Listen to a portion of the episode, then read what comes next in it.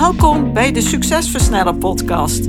Mijn naam is Antoinette Nunes en met deze podcast help ik gedreven ondernemers om snelle, betere keuzes te maken voor bedrijfsgroei met meer vrijheid. In deze podcast deel ik tips, kennis en heb ik gesprekken met andere succesvolle ondernemers om jouw succes te versnellen, wat zorgt voor meer tijd, meer voldoening en meer winst. Let's go! Vandaag zijn Pascal ten Brinke en Esther Wijkamp te gast in de Succesversneller podcast. Pascal is oprichter, directeur en eigenaar van Ten Brinke Interieurbeplanting. Hij startte in 1995 zijn eenmanszaak bij zijn ouders thuis. Inmiddels, zo'n 27 jaar verder, is Ten Brinke Interieurbeplanting BV uitgegroeid tot een supermooi MKB-bedrijf met 35 medewerkers en is het bedrijf in 2019 verhuisd naar een innovatief en prachtig aansprekend nieuw bedrijfspand in Zevenaar. Esther is sinds juni 2018 het team van Ten Brinke komen versterken. Met haar passie voor sales en mensen heeft zij zich snel ontwikkeld tot commercieel directeur. Pascal heeft haar het inhoudelijke vak geleerd en samen hebben ze een duidelijke visie voor de toekomst ontwikkeld die alles te maken heeft met biophilic design. Dit is een vorm van architectuur waarbij de inspiratie uit de natuur komt. Hier wil ik graag meer over horen. Daarnaast zijn ze maatschappelijk betrokken. Zo werken er verschillende mensen met een afstand tot de arbeidsmarkt in dit mooie bedrijf. Ook adopteren ze regenwoud in Costa Rica om zo de longen van onze aarde te beschermen. En natuurlijk ook omdat veel van de planten die ze verkopen uit dit deel van de wereld komen. Daarnaast is Ten Brinke regionaal betrokken in de sport- en cultuursector. Twee ambitieuze en spontane mensen waar ik graag het gesprek mee aanga. Pascal en Esther, welkom in de Succesversneller podcast. Wat willen jullie nog aanvullen op deze introductie? Hoi, goeiedag. Hallo. Ja, wat willen wij nog aanvullen? Nou, allereerst een hele mooie introductie, Antoinette. Uh, ik denk dat het uh, heel uh, kort en krachtig omschreven heeft uh, wie we zijn, wat we doen en uh, waar we voor staan. Ehm, dus ja, ik heb eigenlijk niet zoveel toe te voegen aan jouw introductie. Ik vind hem eigenlijk wel heel mooi. Ja, ja nee, daar sluit me eigenlijk wel bij aan. Ehm, ja, nou ja, weet je, ik denk dat, dat na, naast deze introductie, wat voor ons wel belangrijk is, is ook naast het harde werken ook, ook ontspanning. En ik vind daarin zelf sport altijd nog wel belangrijk. Ja. Um, we zitten veel binnen, op kantoor, onderweg, in de auto. En dan is het gewoon heerlijk dat je een aantal keren in de week uh, buiten kunt sporten. In mijn geval is dat wielrennen. Uh, om ook lekker je hoofd leeg te maken. Dus, dat, dus naast het bedrijf, hard werken, is sport ook, ook een belangrijk ding. Ja, ik denk dat inderdaad hard werken, uh, dat vraagt ook om hard ontspannen, zeg maar. Ja. Uh, dat kan je op heel veel manieren doen. Uh, dat kan in, inderdaad door middel van sport, is natuurlijk een hele mooie manier om je hoofd leeg te maken en ja, even ergens anders aan te denken en ja, jezelf op een andere manier ja, zeg maar actief bezig te zijn.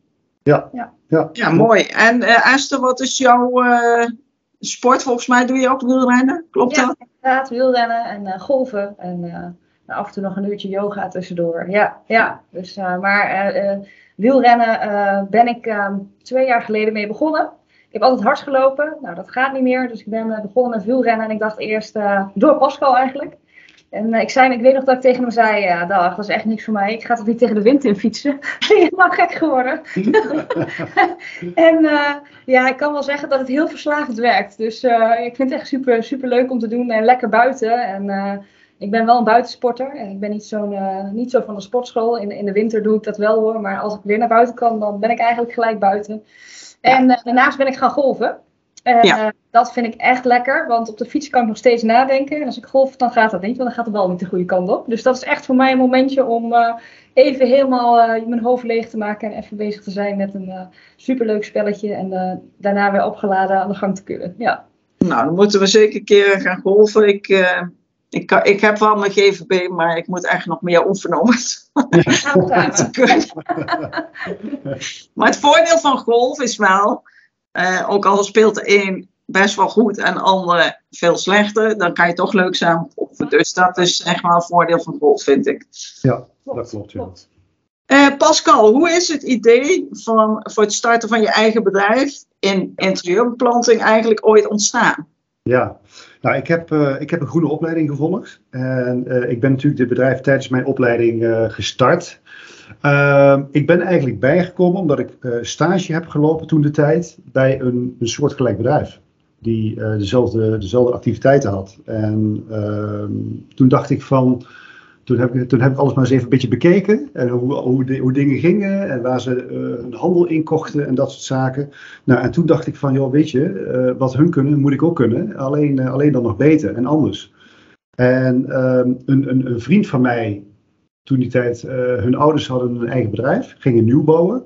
En die vroegen toen naar mij of ik hun wilde helpen met de groene inrichting. Nou, en eigenlijk is zo van het een het ander gekomen. Dus de, nou ja, weet je, dan moet je inkopen. Hè? Je, moet, je moet spullen, potten en planten ja. inkopen. Maar ja, als je nog geen bedrijf hebt, dan kan dat niet. Hè? Dat, dat lukt niet. Dus nou, uh, uh, op onderzoek uit van uh, wat, wat, wat komt daarbij kijken. Naar de Kamer van Koophandel. Nou, en dan de hele riedel. en uiteindelijk een eenmanszaak. Inkopen en daar de, de, de, spullen plaatsen en onderhouden. Nou, en van daaruit is het, is het verder gegaan. Ja. Dus dan, ga je, dan pak je de gouden gids. En dan toen de tijd nog. Echt een papieren versie.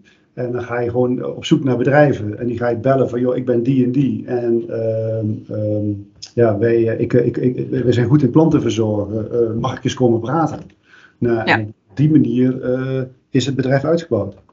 Ja, mooi. Mooi verhaal. En uh, is dat uh, ondernemerschap, uh, zat dat altijd al in je? Zat dat heb je dat van huis uit meegekregen? Of was het meer gewoon dat jij dacht, ik ga dat gewoon eens proberen, ik ga dat doen. Hoe is dat gekomen? Ja. Nou, ik denk dat het altijd wel erin gezeten heeft. Ehm, mijn ouders die, die hadden geen eigen bedrijf, we zijn geen ondernemer. Ehm, mijn opa daarentegen wel. Ehm maar eigenlijk dacht ik wel van, joh, ik ga het gewoon proberen. Uh, uh, alles op alles zetten. En lukt het niet, dan stoppen we gewoon. Ik woonde toen nog bij mijn ouders thuis, dus dat scheelt. Hè. Dan, dan zijn je, je privélasten niet zo hoog. Uh, maar van daaruit uh, wel, wel uitgebouwd. En ja, de, de, dus, dus ook wel met de gedachte van, we gaan het gewoon een aantal jaren een kans geven. Lukt het niet, dan stoppen we. Ja, en je bent natuurlijk uh, helemaal in je eentje gestart. En uh, zoals jij net zelf zei, en ik ook al in de introductie, begon je bij je ouders thuis. Ja. In het schuurtje waarschijnlijk. En ja. uh, nou, we gaan eens kijken wat het wordt. Ja. Maar inmiddels zijn we natuurlijk een aantal jaren verder en, en ook een behoorlijke groei verder. Kan je daar iets over vertellen hoe dat, hoe dat is verlopen, zeg maar? Met een paar stappen, want je begint alleen en op een gegeven moment moet daar iemand bij. Hoe is dat gegaan? Ja, dat klopt. En, en uh, alle clichés wat ze daar altijd over zeggen, die kloppen. dat de eerste, de eerste medewerker aannemen is super lastig. Want uh, concreet betekent dat gewoon dat je omzet moet verdubbelen. Uh, nou ja, en uh, ik had op een gegeven moment het geluk. Hè, ik, had, ik had toen de tijd twee mensen aangenomen, zover was ik toen al uh, kreeg ik de kans om een bedrijf over te nemen. Okay. Uh, en er was een bedrijf met, uh, volgens mij toen de tijd, drie mensen ook in dienst. En daardoor kon ik gelijk een klein stapje maken. Had ik, had ik ja, vijf of zes mensen dus in dienst. En daardoor kon ik gelijk een stapje maken, door, zodat ik zelf niet meer operationeel bezig hoefde te zijn. Maar mij volledig kon richten op de organisatie en de verkoop. Ja. Uh, want tot die tijd, en, uh, en, en, en, die overname was pas na een jaar of zeven hoor, zes, zeven denk ik. Uh, maar tot die tijd heb ik altijd meegewerkt. Maar op het moment dat je druk bent in, in de uitvoering, heb je geen tijd voor verkoop. Dus wat zag je? je had tijd voor verkoop, nou, dan, dan steeg de omzet en ging het hartstikke goed. Maar dan was je weer druk met uitleveren en met, met onderhouden. En zakte de verkoop weer in. Dus het was constant een, een, een golfbeweging van, van, van, van, de, van de omzet, zeg maar. En ja. uh, uh, dat geeft weinig stabiliteit. Nou, op het moment dat na die overname kreeg ik die stabiliteit wel, want dan kon ik iedere dag bezig zijn met verkoop, dus zorgen voor een constante in, uh, inkomstenbron. ja, dus zo is dat eigenlijk gelopen. Nou, en van daaruit is de organisatie gewoon steeds langzaam, eigenlijk ieder jaar een klein stukje gegroeid. Ja, en wat ik uh, in het gesprek wat ik uh, de laatste keer met jullie heb gehad ook begreep, is dat inmiddels uh, is het niet meer alleen de beplanting die, die wel de hoofdmoot is en het allerbelangrijkste, maar jullie, ja, jullie gaan verder dan dat. Misschien ja. kun je daar nog iets over vertellen? Ja, ik, dat, uh, ja zeker. Ik, ik, was al begonnen met een aantal andere activiteiten erbij te gaan doen. Dus niet alleen een bak en een plant, maar ook uh, mos, moswanden, verticaal groen, plantenwanden, verstaan we daaronder. Uh, zijde bloemen. Ehm, maar de echte verandering, dat heeft, heeft Esther teweeggebracht. Ehm, en misschien dat je daar zelf nog even wat over moet zeggen. Ehm, door, door de komst van Esther zijn we echt een andere koers gaan varen. En uh, ja, ik denk dat het makkelijkste is dat je het zelf even gaat vertellen. Ja.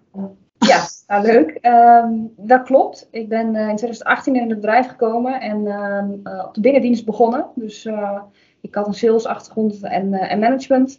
Ehm, door omstandigheden even terug, teruggevallen, twee jaar ertussen uit geweest. Dus ik moest ook weer kijken waar ik stond.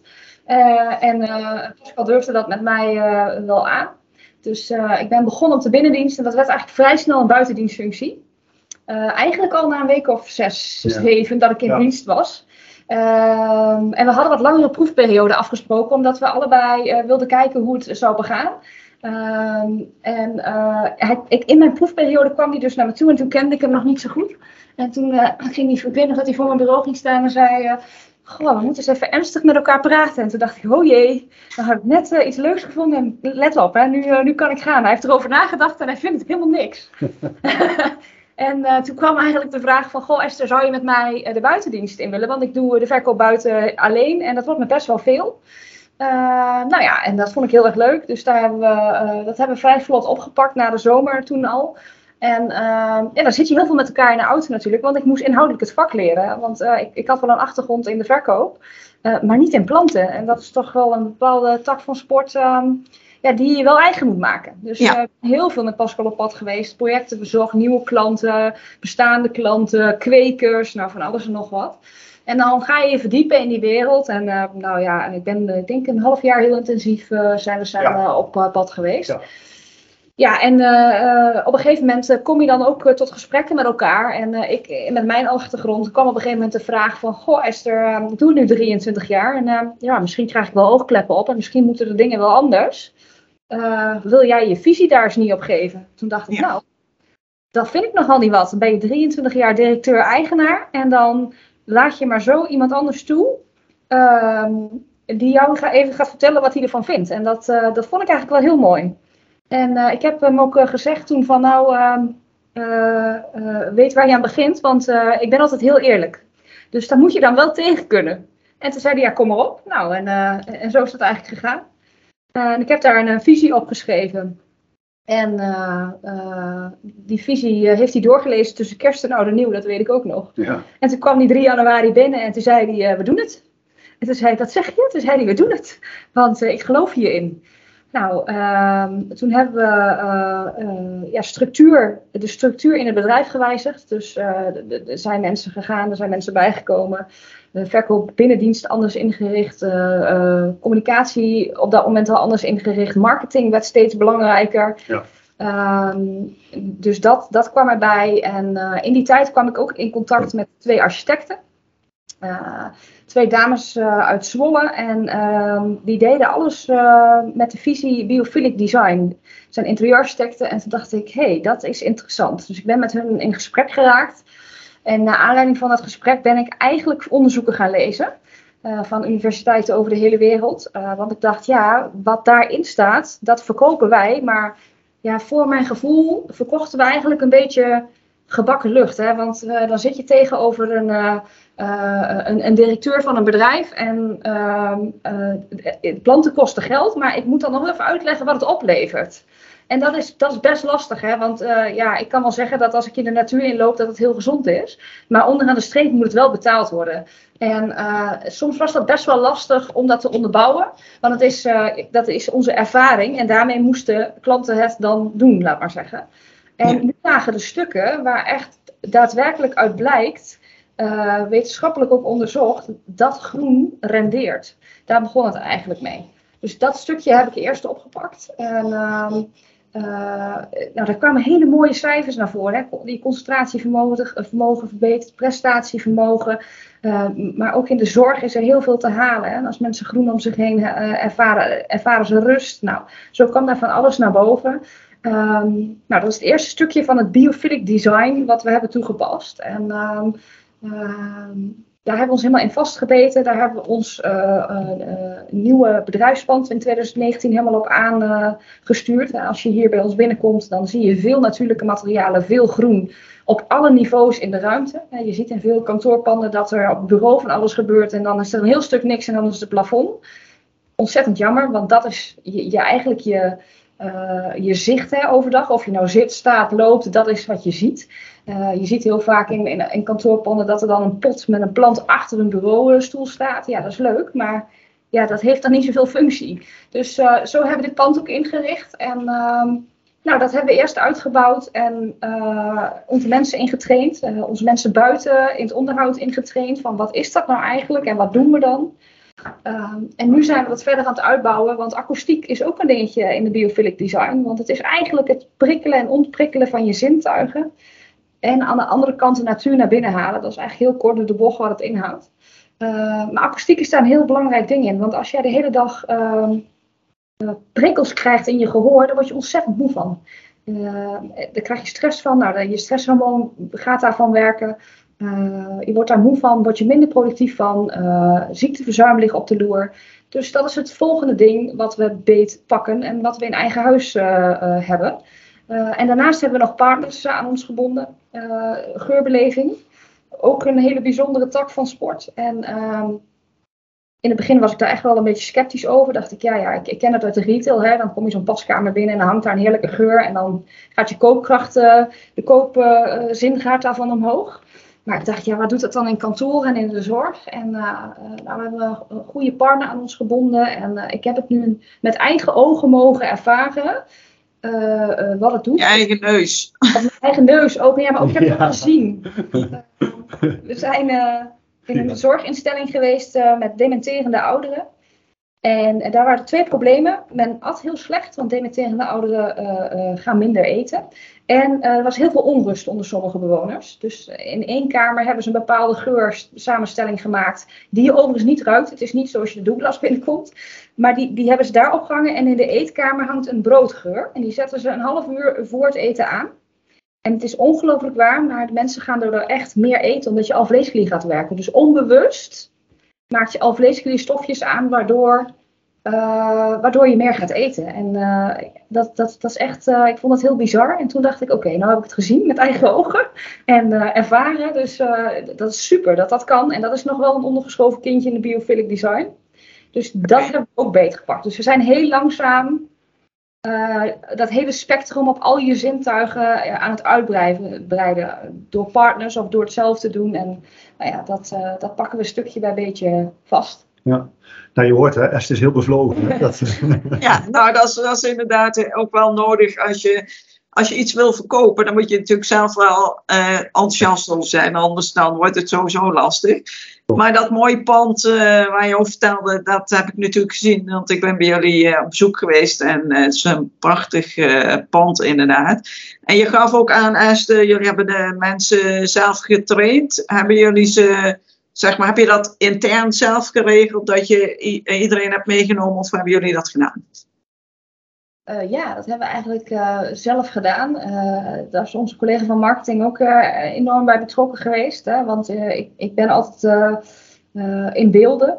als mensen beelden ervaren, ga je het sneller onthouden dan dat je een, een lab tekst geeft. Dus we hebben dat ja, eigenlijk door beeldmateriaal de afgelopen twee jaar heel veel aan, aan het licht gebracht. Met heel veel vergaderingen, meetings, nou ja, van alles en nog wat. En ook gewoon dingen doorsturen. Hè? Dat doe ik nog steeds. Van, goh, heb je dit gezien? Of, goh, dit is ook een invalshoek. Of, en, en zo train je mensen om, om je visie bij ze neer te leggen. En, uh, en er zijn uh, mensen in ons bedrijf die het helemaal fantastisch vinden en zich er helemaal in vastbijten. En er zijn ook mensen in het bedrijf die, die nemen ter kennisgeving aan. En, en, en, en dat is het dus ook. Ehm, dus dat is, dat is toch wat leuk, hè? Je hebt, je hebt er wat mee of je hebt er niet wat mee. En, ehm, maar iedereen weet wel waar we voor staan en wat we doen. En uh, ja. zeker ons mensen onderhoud. Dat is wel heel belangrijk. Dat is zeg maar de basis waarop een bedrijf gestoeld is. En ja, ja iedereen moet wel weten waar, waar, ze met, waar je met z'n allen aan werkt. Want dat is wat je aan het doen bent, inderdaad. Ja. Uh, nou, hartstikke mooi. En uh, dat uh, biophilic design, dat is dus echt zeg maar het speerpunt waar, waarop alles gebaseerd is dan nu. Ja. ja. ja. Oké, okay. en Pascal, wat heeft jou geholpen bij de groei?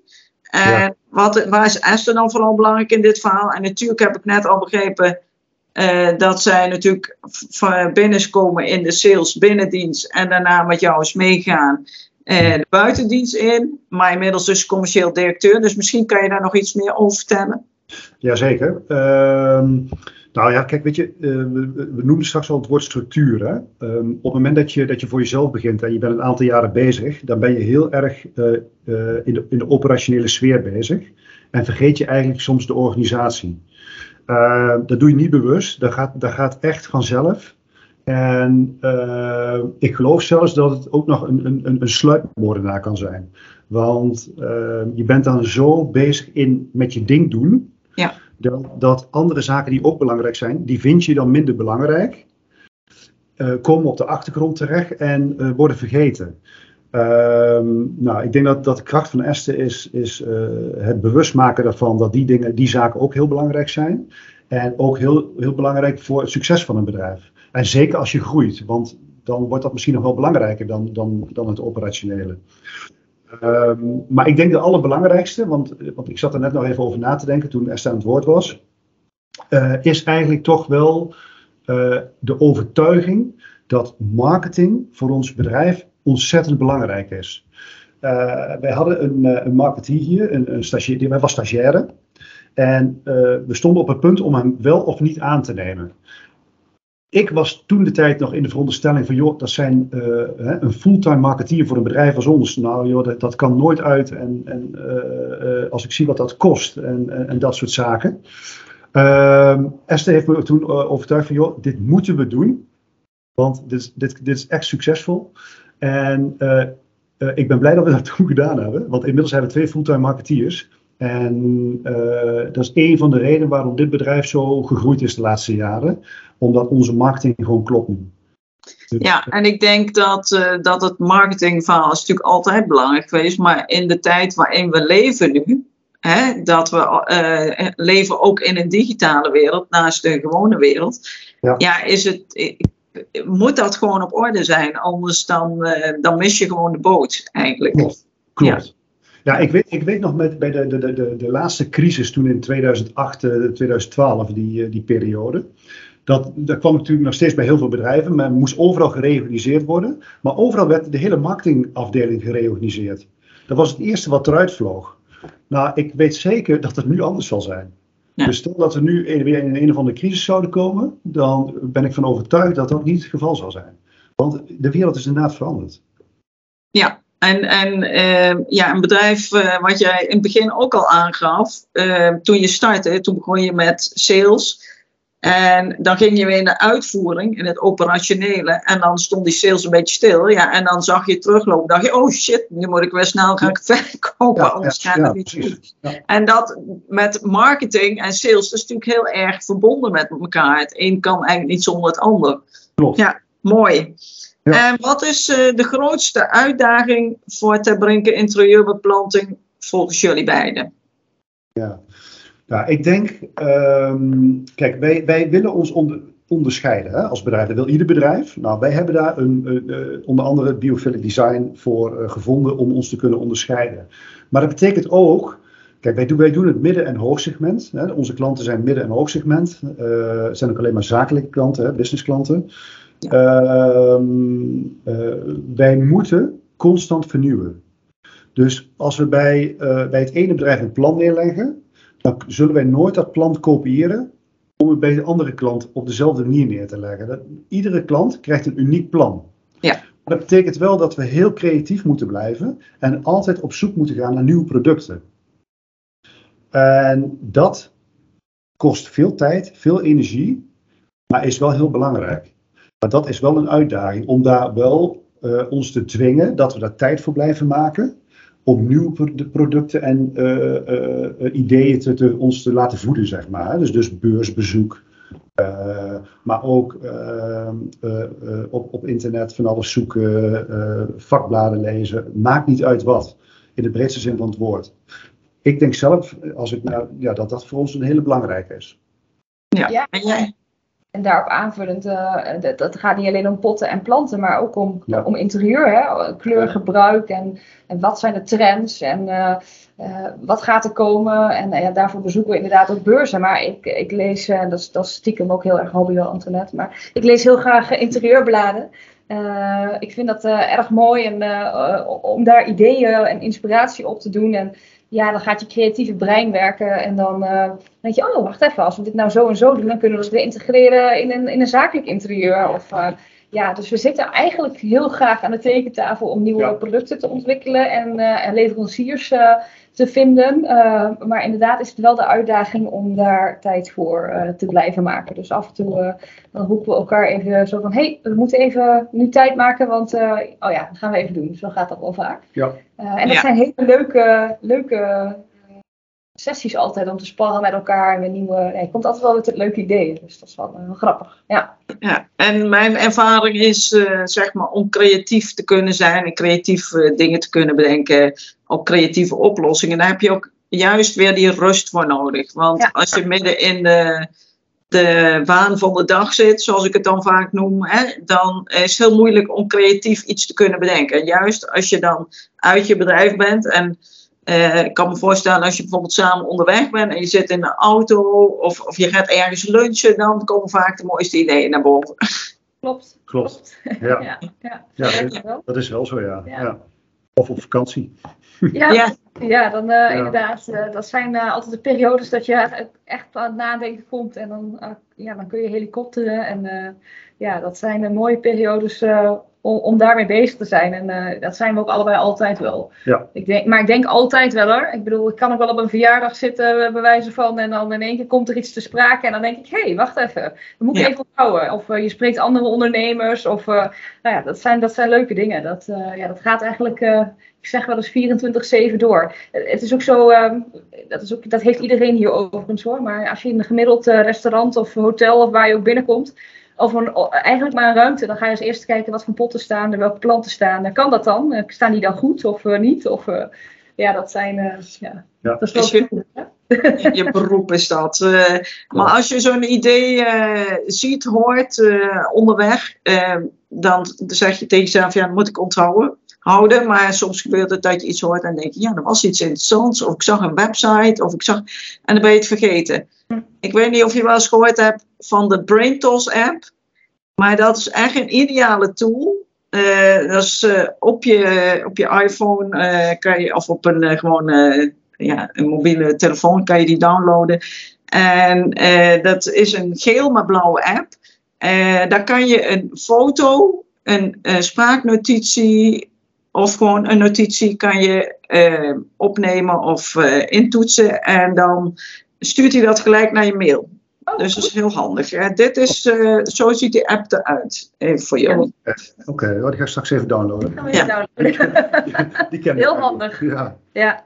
ja, is ook handig voor de luisteraars. Altijd handig om, uh, om te gebruiken. Um, even kijken. Ja, ik, ik was net uh, ook vertellen, waar jullie net vertellen van we uh, moeten steeds nieuwe ideeën bedenken, uh, creatieve oplossingen, want iedere klant die krijgt iets unieks. Ehm, daardoor, uh, want jullie hebben naast de, de echte planten, wat je al zei, ook uh, kunst, boeketten, bloemen. Dat is vol, volgens mij vooral de. Zijn dat ook planten of zijn dat alleen de bloemen? Het zijn zowel planten als bloemen. Dus we, we, doen, we hebben een eigen bloemstylist in dienst, die allemaal boeketten maakt, die we wisselen bij, bij klanten. Dus allemaal op huurbasis.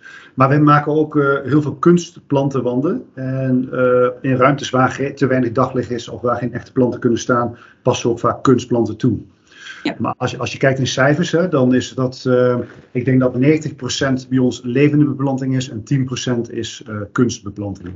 Ja, dat is de aanvulling uh, als het niet anders kan of om iets leuks uh, op te leuken, zeg maar. Ja, precies. Maar de mensen zijn zich ook bewust geworden dat uh, echte planten in hun omgeving gewoon veel gezonder is dan kunstplanten. Ja. En dus, dus die vraag naar echte planten, levende planten, is gewoon veel groter. Ja, ja. ja, ja. en dat is wat je in het begin zei, Esther, dat die effecten van die planten, hè, qua gezondheid, qua beleving, ja, dat is gewoon heel belangrijk.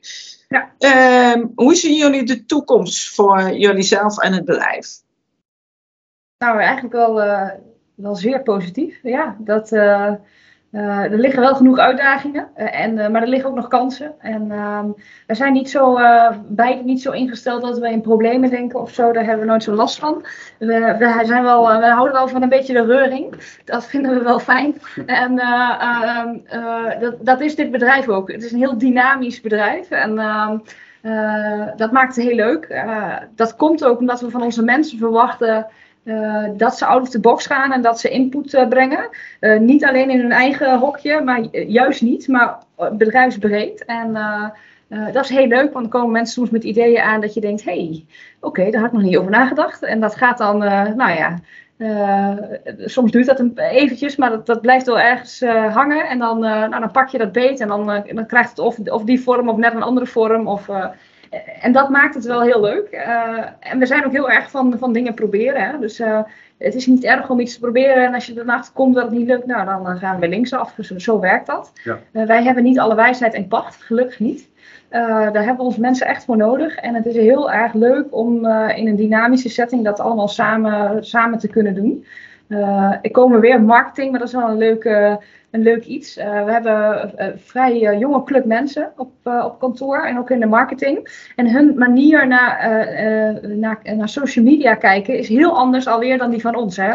Soms dan, dan zeggen ze eens tegen zo'n, jezus, dan welke stenen jij gezeten? En dan komen er dingen boven dat ik denk, wacht even, nou zo oud ben ik toch ook nog niet? Maar dat weet ik dan ook niet meer. En, en dat is wel heel mooi dat... Um, uh, dat, dat die dynamiek er is. Hè? Dat, dat ze dan ook, uh, ik zeg altijd, als je met goede argumenten komt en, uh, en daar kan ik niet omheen, dan, dan gaan we dat gewoon doen. En dat levert wel eens hilarische dingen op, maar het levert ook goede dingen op. En dat is fijn, want de wereld is wel echt veranderd. Hè? Waar wij uh, nou ja, bijvoorbeeld, uh, ik, ik, ga een voorbeeld noemen, formeel en informeel. Wanneer ben je te informeel en wanneer ben je te formeel? Nou, die balans zoeken, dat is lastig, want uh, de jongere generatie die is helemaal niet meer zo van het formele. En dat zijn, dat zijn wij eigenlijk ergens nog wel. Dus die compromis hebben we wel gevonden in het bedrijf. Hè. We hebben bijvoorbeeld hele discussies gehad. Zet je op je site, uh, uh, praat je in de je en jij vorm of in de u vorm? Nou, dat zijn allemaal van die dingen. Ja. dat is wel een mooie ontwikkeling, hoe zich dat door heeft ontwikkeld. En ja. ja. inmiddels zijn we wel over naar je en jij ja. op de website. Maar dat zijn van die ontwikkelingen, dat, ehm, ja, dat, dat zijn uitdagingen, want daar moesten wij ook even aan wennen. Maar nou ja, nu zijn we er ook wel helemaal content mee. Dus uh, ja, ja dat, dat, uh, dat, maakt het wel heel erg leuk. En uh, we zien die uitdaging, of de, de, de, toekomst daarin gewoon heel positief. Ik denk dat we een hele mooie club mensen om ons heen hebben verzameld. die we overigens nog uit gaan breiden, want we gaan weer wat wijzigen in de structuur. We gaan, omdat we zo gegroeid zijn, werken met projectmanagers. nu doen we een project nog van A tot Z zelf. Hè, dus we doen de verkoop en de begeleiding ervan totdat uh, we aan het kopje onderhoud zijn gekomen, doen we zelf. En dan gaat het over naar een medewerker die het allemaal gaat onderhouden. Nou, daar komt dus nu een, uh, een schakel uh, tussen. Want wij hebben daar gewoon, um, nou ja, onze mening is altijd als je iets doet, moet je het goed doen. Dus 100% of niet. En dat gevoel hadden we niet meer, dat we iedere klant met 100% aandacht konden bedienen.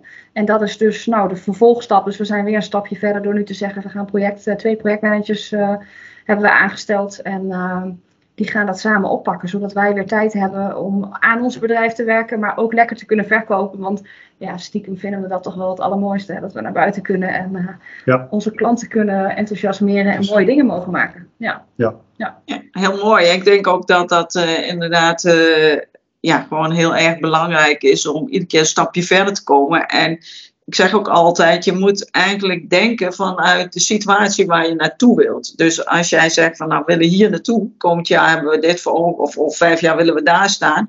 Dan eh, eh zeker met zo'n projectmanager, jullie denken al nou als we die projectmanager hebben, dan kunnen wij dit en dat doen. En dat betekent dat en dat. En als je dat niet doet, dan weet je ook, dan gaat dat niet lukken. Dus Hmm. dat denken vanuit de toekomst waar je naartoe wilt, dat is voor sommige mensen vrij natuurlijk. En voor anderen is dat heel moeilijk, want die blijven heel erg in nu. Van ik zit nu hier en van daaruit denk ik.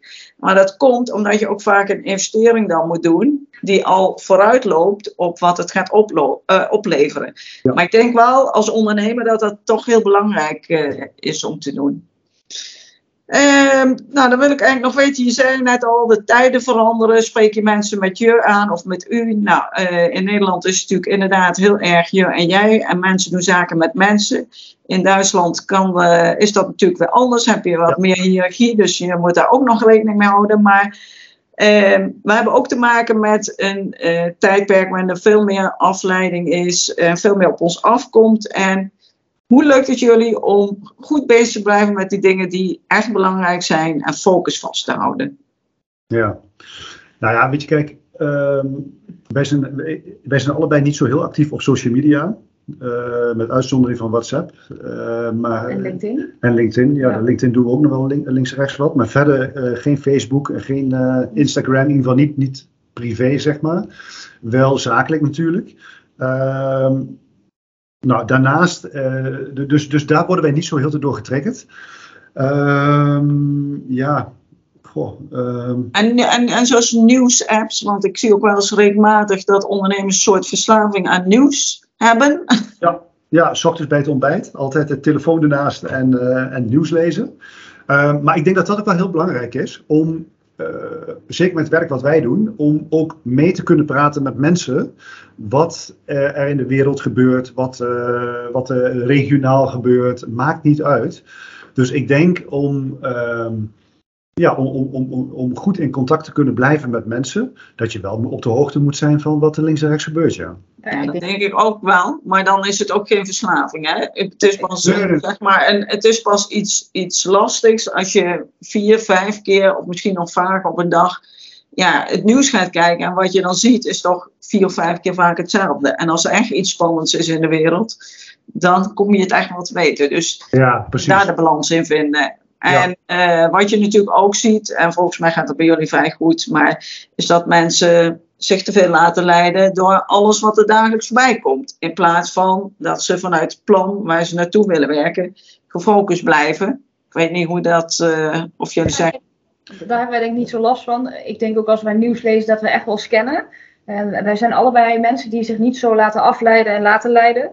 Ehm, eh, natuurlijk neem je dingen ter kennisgeving aan, maar ik, ik kan mezelf niet verliezen in bepaalde nieuwsstukken of daar angst voor hebben. Of, ehm, Nee. Nee, weet je, en, en soms dan eh, doe ik het ook bewust niet. Hè? Ja. Eh, ehm, er zijn tijden geweest, bijvoorbeeld in de coronatijd ook, dat je geen zender of geen nieuws-app open kon slaan, dat het alleen maar daarover ging. En dan scan je wel van, oké, wat is er aan de hand? En dat, dat is het dan ook. Die, dan, op een gegeven moment ben ik dan ook verzadigd. En dan denk ik, weet je, dat, dat, dat, daar wil ik geen ruimte meer voor maken in mijn hoofd. Dus, dus even niet. Anders maak je jezelf ook gewoon Anders maak je gek. gek. En eh, eh, nou, ik ben zelf niet zo'n televisiekijker ook. Dus eh, ik, ja, daar heb ik niet zo'n last van, gelukkig. En, eh, ehm, maar ik, ik herken het wel in mijn omgeving dat mensen zich helemaal ja, kunnen verliezen. Of bijna angst krijgen voor, voor bepaalde dingen in de wereld. En zich daardoor laten leiden. Ook ondernemers hoor. En dan denk ik, ja, ik zeg altijd maar, we leven in het hier en nu. En ehm, eh, eh, je moet met je helder verstand na blijven denken. En ehm,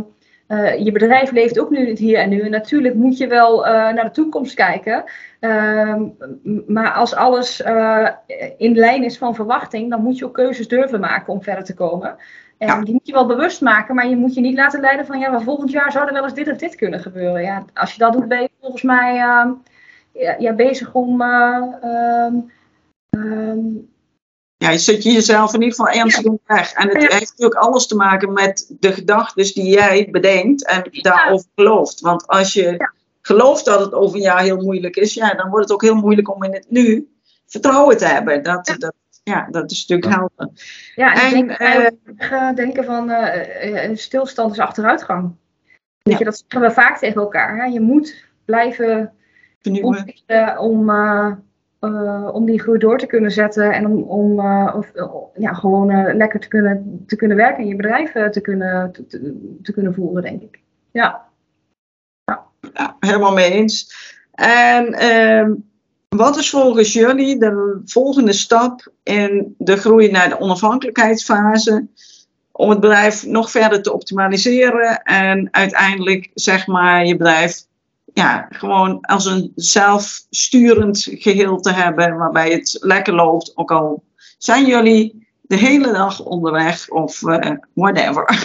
Ja, nou, ik denk dat het belangrijkste is, maar daar, daar, daar worstelt natuurlijk ieder ondernemer op dit moment mee, de juiste mensen op de juiste plek. Ja. Dus kijken of je, of je goede mensen aan je kan binden, die ook eh, eh, voor een lange tijd bij je, bij je aanwezig zijn eh, op het bedrijf. Ehm, op het moment dat je dat voor elkaar krijgt, is denk ik de grootste motivator om on- onafhankelijk van je bedrijf te worden. Kijk, natuurlijk, ieder bedrijf kan niet zonder, zonder directie en zonder sturing. Ja. En, tenminste, dat is, dat, is, dat is onze visie. Ja. En dat gaat stapje voor stapje. Alleen, en dat is, en dat is nou net hetgene, als je een eigen bedrijf hebt, als je denkt dat je er bent, gebeurt er wel weer wat, zodat, de, waardoor je toch niet gaat bereiken wat je wil bereiken. En ehm, dat is eigenlijk altijd zo. Ja. Dus je bent, nooit- je bent nooit klaar. Nee, En je moet altijd door en altijd weer verder kijken. En, eh, dus, dus je hebt nooit rust. Daar komt het eigenlijk op neer. Ja, het is natuurlijk wel zo dat je ehm, een aantal stappen kunt zetten om eh, inderdaad onafhankelijk van je bedrijf te worden. En dat heeft dan vooral te maken inderdaad met die operationele uitvoering. Hè, daar zoveel mogelijk uit wegblijven. En inderdaad, ja, eh, dat je eh managementtaken hebt en sturing geeft. Ja, dat moet iemand doen. En dat kan je zelf doen. Dat kan je ook iemand laten doen. Maar dan als je daar zit, dan is het al veel makkelijker om iets over te dragen. En het is natuurlijk het... ondernemen is natuurlijk eigenlijk ook voor een heel groot deel problemen oplossen. Problemen van je klanten, problemen met je bedrijf. Problemen. Dus in die zin, die uitdaging, die zal er altijd blijven.